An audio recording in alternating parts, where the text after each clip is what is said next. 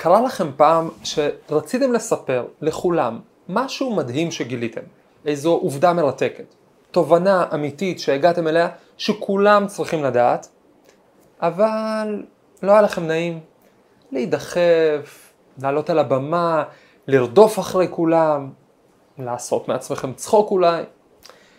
אם כן, אז טעמתם משהו מיחסי האהבה-שנאה שקיימים בין מדענים לתקשורת. הרי העולם, עולם המדע נשלט על ידי הכלל של לפרסם או לחדול. אם ככה, אז איך זה שיש מדענים שרצים לכל תוכנית בוקר, וכאלה שלא מוכנים להתקרב למיקרופון אפילו כשהם זוכים בנובל? האם יש שלב שבו ביישנות הופכת לפשע? מה הביא הומלס הולנדי, זמר רוק בדימוס, מספסל למשרד של חוקר בכיר בסטארט-אפ חדש? איך קרה שטרנזיסטור הסיליקון הראש... אה, בעצם אבן הבניין הבסיסית והחשובה ביותר של המחשב המודרני, נולד בש... בשמן רותח בכנס משמים אי שם באוהיו. ומה הקשר של כל זה למין חצוצרה אסימטרית שעשויה מאלפא קרטין, כלומר שופר. שלום לכם, ברוכים הבאים, תודה שהצטרפתם אליי לפודקאסט המדע מחפש משמעות. אני דוד אייזנברג, אני פרופסור לכימיה בטכניון. בפודקאסט הזה מדברים על עולם המדע, עולם, עולמם של המדענים, מנסים להבין את הרלוונטיות שלו לחיים שלנו, יצירתיות, פיתוח אישי וכולי. היום נדבר על אם שווה לפרסם, אז שווה לפרסם את זה רחוק. בעצם בפודקאסט הזה יצא לי לדבר הרבה על מדענים שאוהבים פרסום וגם על כאלה שבורחים ממנו.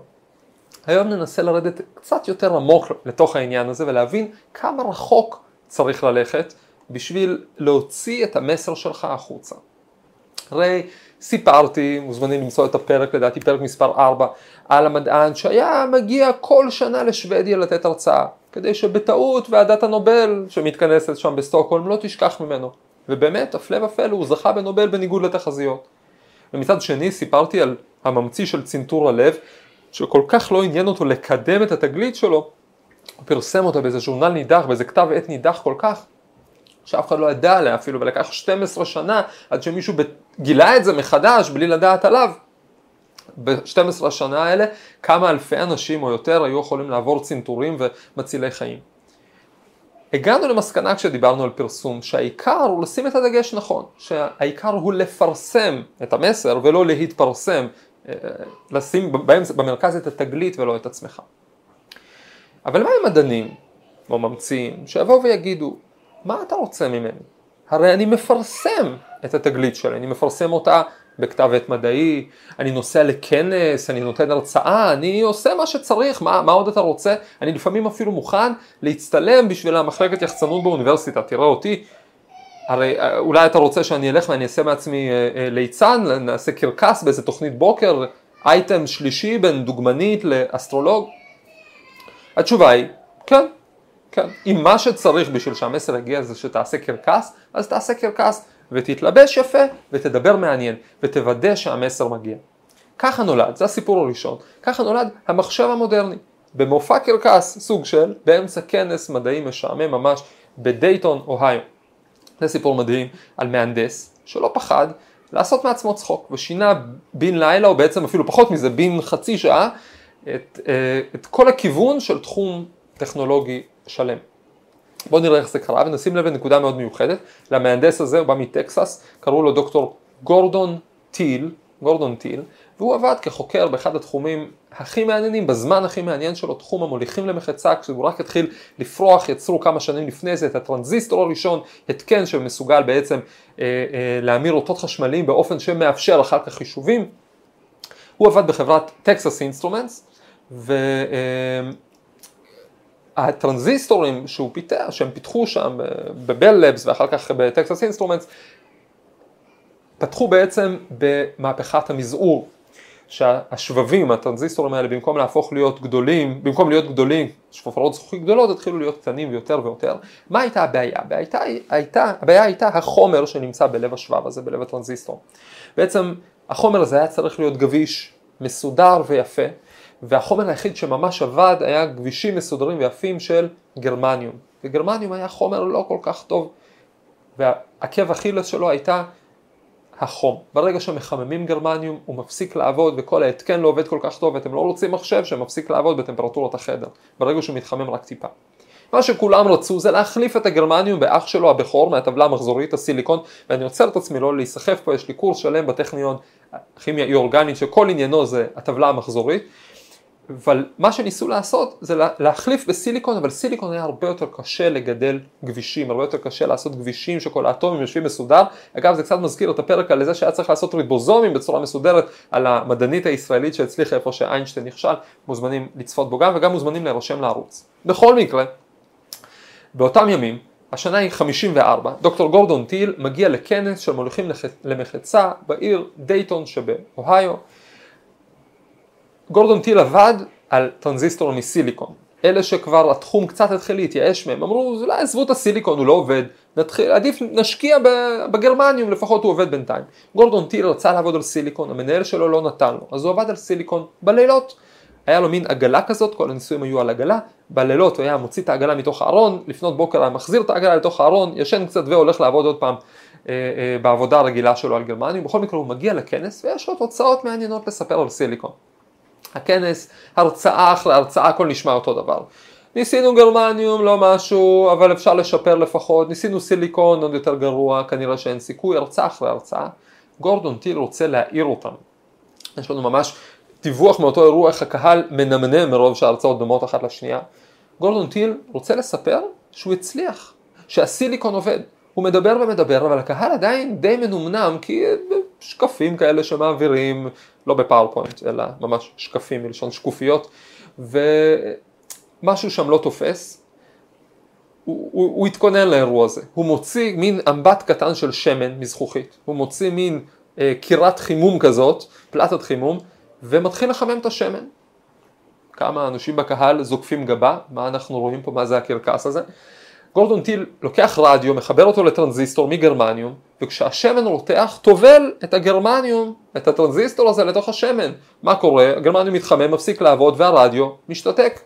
בסדר, אנשים לא מתרגשים, את זה הם כבר ראו, אבל אז הוא מוציא את זה. הוא מוציא את הטרנזיסטור של הגרמניום, הוא מכניס פנימה את הטרנזיסטור החדש שלו של הסיליקון, מחבר, ובעוד הרדיו מדבר, הוא טובל אותו בתוך שמן רותח, והרדיו ממשיך לעבוד.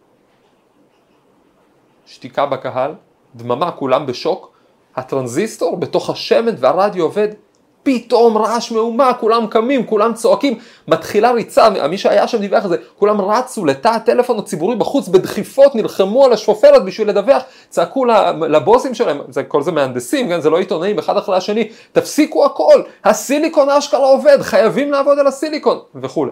ממש התחום השתנה בן לילה, היום כל מה שקורה קורה בסיליקון, כמעט הרוב המוחלט כמובן של המחשבים של התקשורת הם מבוססים על שבבי סיליקון. האפקט היה מדהים. אבל מה הנקודה המיוחדת פה? הנקודה המיוחדת שדוקטור גורדון טי לא פעל כמו מדען סטנדרטי. הוא היה יכול לכתוב את התוצאות שלו במאמר, לשלוח אותם לכתב עת, לחכות שהם יתפרסמו, לחכות שיהיה תגובות, שיהיו ציטוטים, לראות איך זה מתפתח, אפילו סתם לתת את ההרצאה שלו בכנס.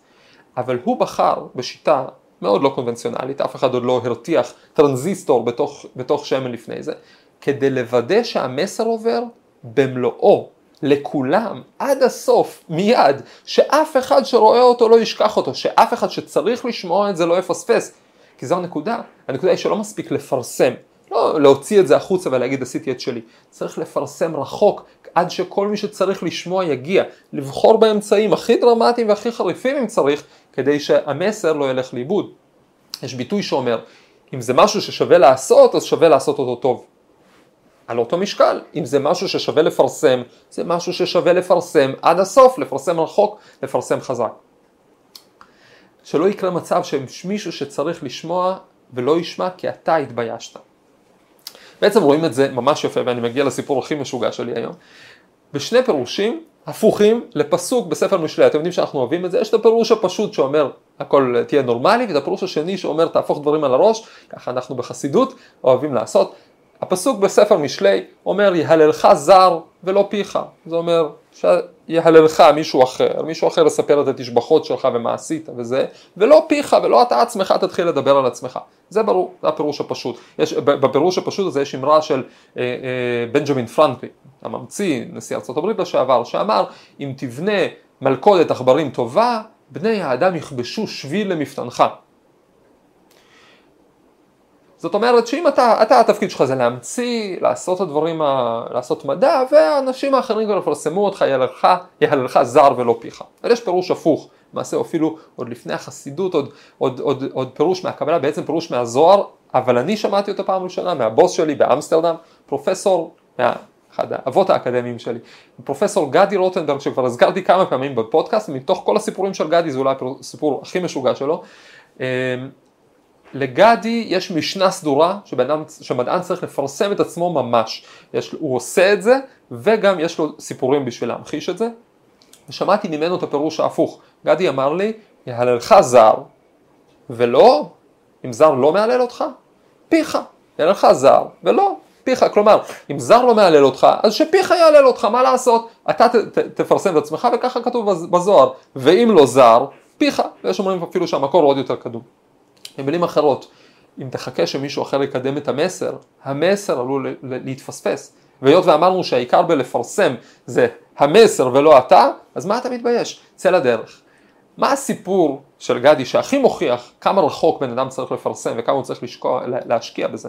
הסיפור הזה מתחיל על ספסל בהולנד, על הספסל הזה יושב הומלס, בן אדם מובטל, חסר בית, באמצע שנות החמישים שלו, וקורא עיתון.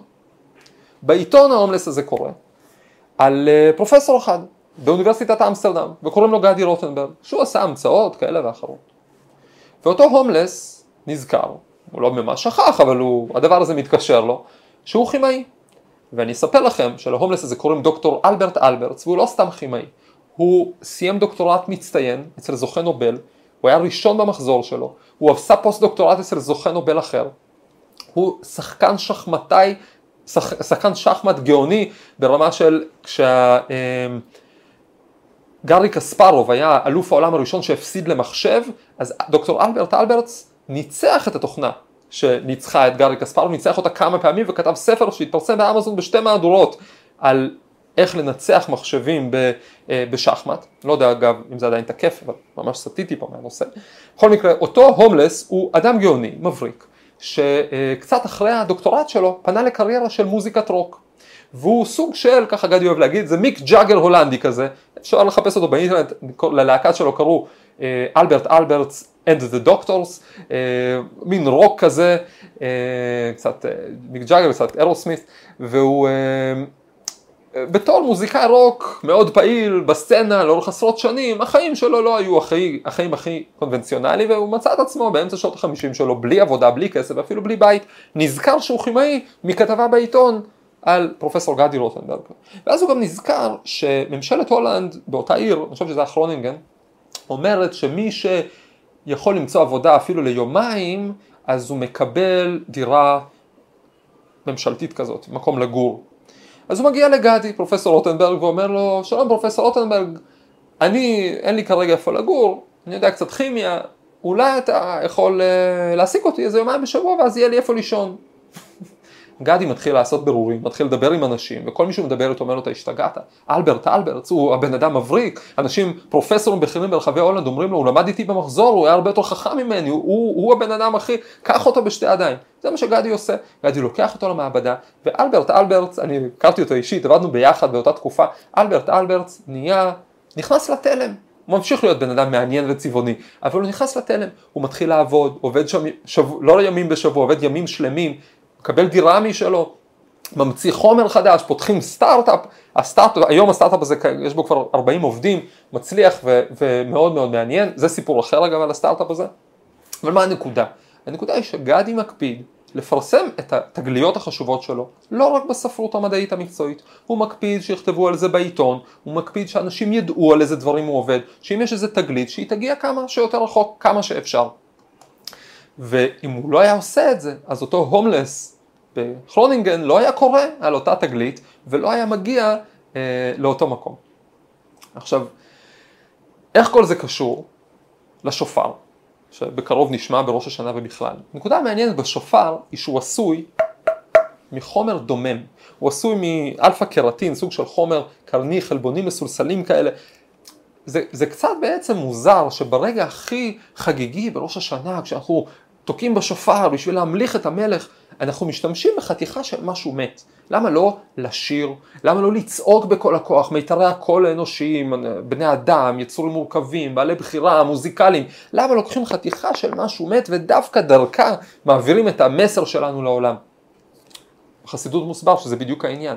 אנחנו רוצים שהצעקה שלנו תגיע עד לחומר הדומם.